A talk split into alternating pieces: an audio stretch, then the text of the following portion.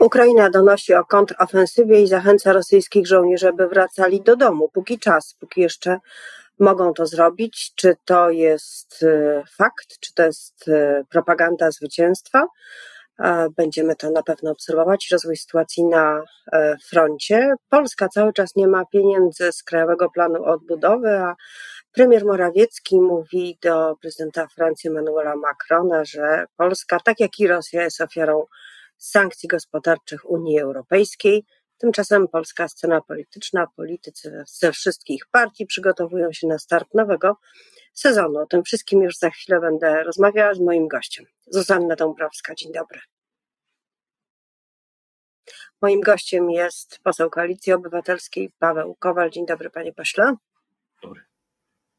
Zacznijmy może od tego, co znalazło się wczoraj na nagłówkach, czyli tej konferencji wspólnej Mateusza Morawieckiego i Emmanuela Macrona, e, no można by powiedzieć, że mina francuskiego prezydenta, kiedy usłyszał o tym, że Polska jest ofiarą sankcji, tak jak i Rosja, mówiła wszystko. Co się stało premierowi? Czy on stracił taki instynkt polityczny co do tego, co wolno mówić, co można mówić, a czego nie powinno się? Sklejanie Polski z Rosją w obecnej sytuacji, kiedy Rosja jest agresorem mm, i prowadzi brutalną wojnę na, na Ukrainie, jest po prostu robieniem krzywdy Polsce i no, szczerze mówiąc, największe szkodnictwo e, ostatnich miesięcy to właśnie wczorajsza wypowiedź premiera.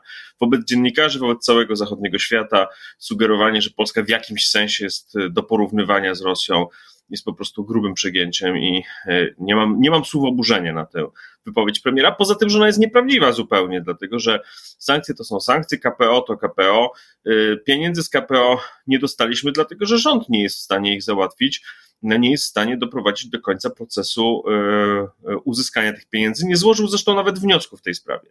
I najważniejsze, wszystkie warunki uzyskania tych pieniędzy negocjował właśnie ten rząd, właśnie Mateusz Morawiecki, właśnie on się chwalił, że te pieniądze wynegocjował, właśnie on się chwalił, że te pieniądze są konieczne dla polskiej gospodarki i on to załatwił i właśnie on, jak się okazało, nie poradził sobie z tym e, tematem.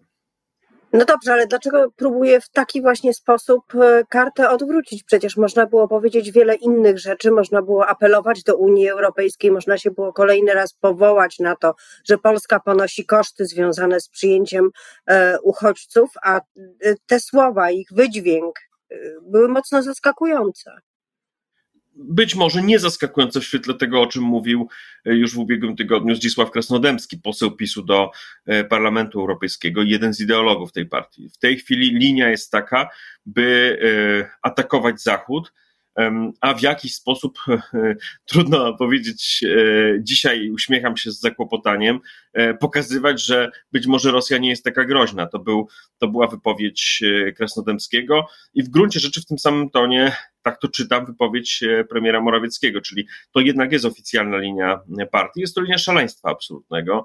E, to są brudne polityczne e, wypowiedzi, które szkodzą Polsce. Tyle i kropka. No, to przecież to, to nie jest nic nowego. Od tygodnia dyskutowana jest właśnie tamta wypowiedź Krasnodębskiego, który mówił, no, że być może Polska, mm, że być może Polska została, Rosja wypowie wojnę Polsce, być może napadnie, ale Polacy wiedzą, jak sobie z tym radzić. Po prostu straszne. Czy straszne, że człowiek, który e, wygodnie sobie gdzieś tam siedzi w Brukseli, udziela takich rad Polakom, którzy już dzisiaj żyją w lęku, na przykład e, ze względu na, na, na, na, na, na koszty e, paliwa, na koszty energii, ale też po prostu żyją w fizycznym ręku, na przykład w Przemyślu, czy Rzeszowie, czy Jarosławiu, wiedząc, że całkiem niedaleko od nich toczy się brutalna wojna. Ministrowie spraw zagranicznych e, Unii mają podjąć decyzję, e, jakie będzie, jaki będzie wniosek dotyczący ograniczenia ruchu wizowego dla Rosjan. E, mowa jest o wizach turystycznych. Dzisiaj Rzeczpospolita publikuje badania, z których wynika, że zdecydowana większość Polaków opowiada się za takim ograniczeniem, przy czym podzielone są zdania co do tego, czy E, można by pozwalać na wydawanie wiz w przypadkach szczególnych, rodzinnych, zdrowotnych, czy też nie. Największa grupa, 40% uważa, że powinno być to e, dopuszczone i oczywiście powinny być dopuszczone wizy humanitarne. Jak pan sądzi, jakie ostatecznie stanowisko przyjmie Unia Europejska? Także Parlament Europejski ma o tym dyskutować 12 września. No w tej chwili to Borrell, czyli minister spraw zagranicznych Unii Europejskiej, zaczął pracę nad tym tematem. Moje stanowisko jest takie: po pierwsze, sprawdzać wizy przy wjeździe, te, które są wydane, bo są wydane wizy i one powinny zostać zamrożone w tym sensie, że jeśli ktoś wjeżdża, to należy poświęcić uwagę temu, żeby sprawdzić, czy ta osoba jest zaangażowana w działania Putina, czy nie. E, drugie, wizy turystyczne ograniczyć na takich zasadach, które dla nas są wygodne, czyli zostawić sobie furtkę w oczywisty sposób czasami z różnych powodów e, ktoś w Unii Europejskiej, państwa członkowskie Unii Europejskiej mogą E, potrzebować takiej furtki. My nie powinniśmy robić regulacji, które są dla nas niekorzystne. Czyli e, przyciąć, zostawić. Czego potrzebować? Proszę? E, co to znaczy potrzebować takiej regulacji? Czy ma Pan na myśli aspekt humanitarny czy biznesowy? Może być jakaś sytuacja na przykład humanitarna, może być e, jakaś sytuacja biznesowa, e, dla której akurat wydanie takiej wizy dla państwa będzie korzystne. Znaczy dla mnie jest oczywiste, że regulacja musi być taka, żeby była korzystna dla Unii Europejskiej e, i dla państw Unii, a nie dla Rosji. Rosjanie dzisiaj są współodpowiedzialni za politykę Putina. E, to nie jest tak, że można nic nie mówić, nawet na Facebooku nie napisać słowa o zbrodniach wojennych i sobie po prostu przyjeżdżać do Unii Europejskiej, jakby nigdy nic. A co z tymi, którzy piszą na Facebooku i którzy starają się w jakiś sposób przeciwdziałać rosyjskiej propagandzie, mieszkając cały czas e, w Rosji bez wielkich możliwości wyjazdu. Przecież to jest nie tylko kwestia wizy, ale także pieniędzy, choćby i możliwości dostania się mm, w ruchu lotniczym czy w jakimkolwiek innym. E, czyli co z wizami humanitarnymi? Czy Unia Europejska powinna ja, mieć. Ja nie napiszę, ja nie napiszę teraz pani rozporządzenia tutaj. No właśnie dlatego powiedziałem, że zaczynamy od niech Borel przedstawi. No, E, no tak, ale już pyta mnie Pani o każdy szczegół oddzielnie, musielibyśmy po prostu mieć dokument Borela. Generalnie zasady powinny być takie: przeglądanie wiz, które są wydane, e, zablokowanie nowych wiz turystycznych, zostawienie sobie furtek na wydawanie wiz dla osób e, z różnych powodów, które kiedy to będzie konieczne, przede wszystkim ze względów politycznych. Znowu powołam się na sondaż, tym razem preferencji partyjnych, który wczoraj był publikowany, publikowany w Rzeczpospolitej. Zmniejsza się dystans wyraźnie między Koalicją Obywatelską i Prawem i Sprawiedliwością. E, także inne partie opozycyjne e, mają się dobrze, poza Konfederacją, ile można ją tak nazwać. To wszystko może wywoływać niepokój w obozie władzy i nadzieję po stronie opozycji. Czy sądzi Pan, że te nadzieje, jeśli ta tendencja się utrzyma, będą owocować bliższą współpracą, czy jednak, e, tak jak dzisiaj rano w TFN24 mówił Leszek Miller, o to skłóceni są ci liderzy, nic z tego nie wyjdzie, PiS wygra kolejny raz? Ale nie, nie dyskutujmy tutaj o dobrostanie opozycji czy polityków jednej czy drugiej partii, dyskutujmy o zmianie. Znaczy, dla mnie konieczna jest zmiana. Polacy już boją się tego rządu, boją się tego, że ten rząd nie prowadzi żadnej polityki w sprawach najważniejszych, czyli inflacja, kredyty hipoteczne, mm, e, wsparcie dla tych, którzy się boją. Znowu, ten strach, strach jest dzisiaj słowem kluczem. Ja jeżdżę dużo po Polsce. Boją się, że nie będą mieli za co zapłacić za, za węgiel. Te regulacje są dziurawe, beznadziejne. Rząd sobie nie radzi z żadnymi sprawami, które naprawdę dotyczą, e, e, dotyczą sytuacji Polaków w najbliższych miesiącach. Zajmuje się tylko propagandą. Więc ja nie patrzę na to wszystko z punktu widzenia jednej czy drugiej partii opozycyjnej, patrzę na to z punktu widzenia zmiany. Polska potrzebuje zmiany. Ten rząd nie rozwiąże już żadnego istotnego problemu. I tendencja, która się pojawiła w badaniach opinii publicznej, pokazuje, że idzie na zmianę. I za to trzymam kciuki. No tak, ale jako polityk e, prawdopodobnie powinien pan być zwolennikiem jakiejś strategii, jeśli chodzi o postępowanie partii opozycyjnych. E, mamy na przykład teraz kampus Polska Przyszłości, tam pojawiają, pojawił się Szymon Hołownia, Władysław Kosiniak-Kamysz, nie pojawił się Włodzimierz Czarzasty. Czy sądzi Pan, że ta współpraca wobec coraz lepszych wyników powinna być ściślejsza, czy nie? Czy powinno się cały elektorat sama się ułoży. Nie powinniśmy tyle uwagi poświęcać na dyskusję na, na swój własny temat, to znaczy jak będzie wyglądała lista wyborcza. Po pierwsze, jeszcze mogą coś kom próbować kombinować przy mm, ordynacji wyborczej, mówię o rządzie. Po drugie, do wyborów jeszcze prawdopodobnie rok. E, więc ja, ja jestem takiego zdania. To się samo ułoży, prawdopodobnie będzie to jedna duża lista. Mm, trzeba doprowadzić do takiej zmiany, w której będzie można także zmieniać konstytucję. Bo powiedzmy sobie szczerze, to nie jest tylko kwestia wymiany rządu. To jest kwestia wprowadzenia w Polsce elementarnych reguł gry. To jest kwestia wprowadzenia w Polsce normalnego sądu konstytucyjnego, to jest kwestia mm, mediów e, rządowych, żeby znowu stały się publiczne, to jest kwestia e, poważnej walki z inflacją, to jest kwestia tego, żeby Polacy, którzy wzięli kredyty hipoteczne i boją się, czy będą mieli za co mieszkać w swoim własnym mieszkaniu z rodziną, poczuli się bezpiecznie tych tematów jest naprawdę bardzo dużo. Do tego potrzeba mieć solidną większość, a nie myśleć w kategoriach co jedna partia, co druga partia.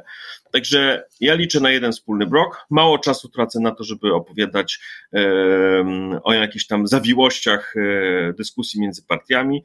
E, wszyscy za dwa, trzy miesiące poczują, że trzeba e, pójść wspólnie i że trzeba po prostu zmienić ten rząd i uzyskać taką większość w parlamencie, żeby to było efektywne, żeby były z tego efekty. A jak pan ocenia te dyskusje, które toczą się na kampusie? E, wczoraj Władysław Kośniak-Kamysz e, razem z Rafałem Trzaskowskim rozmawiali z publicznością, z młodą publicznością, ale czasem jest tak, że ktoś mówi o sprawach na przykład związanych ze zdrowiem w sposób tak przejmujący, że nawet liderom politycznym e, no, jakby nie pozostaje nic do powiedzenia, tylko, tylko wysłuchać takich, takich świadectw. Tak też było wczoraj, być może dlatego, że Władysław Kośniak-Kamysz jest lekarzem i to e, wzbudziło taką, e, taką reakcję, ale czy to ma sens, czy to są tylko takie okrągłe zdania, które są wypowiadane do ludzi zainteresowanych trochę polityką? Dwa tematy będą po zmianie władzy: zdrowie i edukacja. Zdrowie, dlatego że są poważne, poważne zaszłości po covid i po, po tym, jak do naszego systemu zdrowia de facto przyłączyło się mm, dużo e, uciekinierów z wojny na Ukrainie. Zdrowie potrzebuje natychmiastowego, natychmiastowej reformy i dofinansowania, a w niektórych aspektach a w niektórych aspektach sytuacja jest wręcz dramatyczna, na przykład jeżeli chodzi o diagnozowanie nowotworów, e, leczenie chorób rzadkich itd., tak itd. Na to pieniądze są w Krajowym Planie Odbudowy, od tego zaczęliśmy. Jedną z podstawowych misji nowego rządu jest uzyskanie tych pieniędzy, który już wtedy będzie realnie mniej, dlatego że mm, dużo z tych pieniędzy po prostu zażyje inflacja. Druga sprawa to jest edukacja przywrócenie prestiżu zawodowi nauczyciela, e, podwyżki dla nauczycieli, proste i podstawowe. Nauczyciele dzisiaj muszą poczuć, że ich praca jest doceniona, szczególnie w sytuacji, kiedy wzrastają pensje w wielu przedsiębiorstwach w związku z inflacją. Nauczycielskie pensje nie wzrastają. Zaczyna się niedługo rok szkolny. Wielu dyrektorów dzisiaj czeka na, z, z, z bólem głowy na informacje, którzy nauczyciele tym razem zrezygnują z dalszej pracy szkoły. Te dwa tematy, zdrowie i edukacja, będą podstawowymi tematami, które, mm, którymi powinien zająć się przyszły rząd.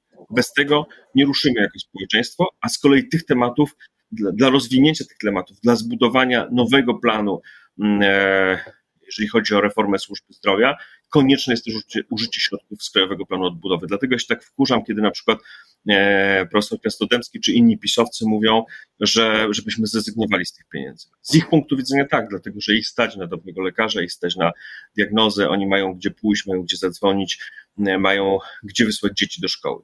Ale z punktu widzenia wielu obywateli Polski to są dzisiaj podstawowe kwestie. Szkoła i zdrowie. Czyli dobrze, że na kampusie toczą się takie rozmowy? Coś z nich wyniknie dla strategii? Ja też przez dwa dni byłem, w sobotę, w niedzielę byłem na kampusie, akurat prowadziłem dyskusję o polityce międzynarodowej. Tych debat tam jest bardzo dużo. Centralne są oczywiście te polityczne dyskusje z liderami e, partyjnymi, i widać, że e, do wielu Polaków, także młodych, dociera, że te tematy, które jeszcze niedawno były traktowane jako jakieś nudne tematy, czyli właśnie tematy związane z nowym podejściem do pracy, szczególnie pracy w tych zawodach e, służby publicznej e, i tematy zdrowia, że nagle to się stają najgorętsze tematy. Ale kiedy patrzę na przykład na statystyki wieku pielęgniarek w Polsce, kiedy patrzę na statystyki, jak wielu lekarzy rezygnuje nawet, są dzisiaj wolne miejsca na specjalizacjach My dzisiaj jesteśmy w takiej sytuacji.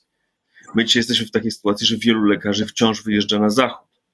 My jesteśmy w sytuacji, że mm, po wizytę u specjalistów poza wielkimi miastami często ludzie czekają, a czasami w wielkich miastach ci, którzy nie mają dostępu, nawet i dwa lata.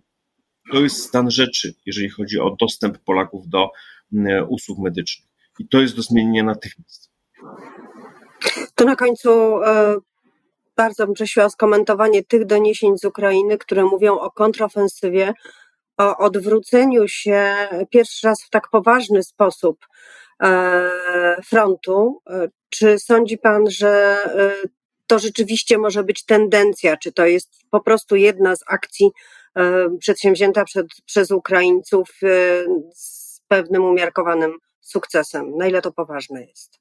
Ze względu na pogodę kluczowe są najbliższe tygodnie i faktycznie pojawiła się tendencja, że Ukraińcy dzięki dostawom broni na tym etapie są w stanie wypędzić Rosjan trochę ze swojego terytorium. Oczywiście cel jest taki, jak mówi Zełęński. Nie ma e, ta wojna, jeżeli się, skończy, jeżeli się skończy inaczej, to będzie tragedia. Ona musi się skończyć tym, że Ukraina wraca do, do swoich granic. Myślę o Donbasie i o Krymie.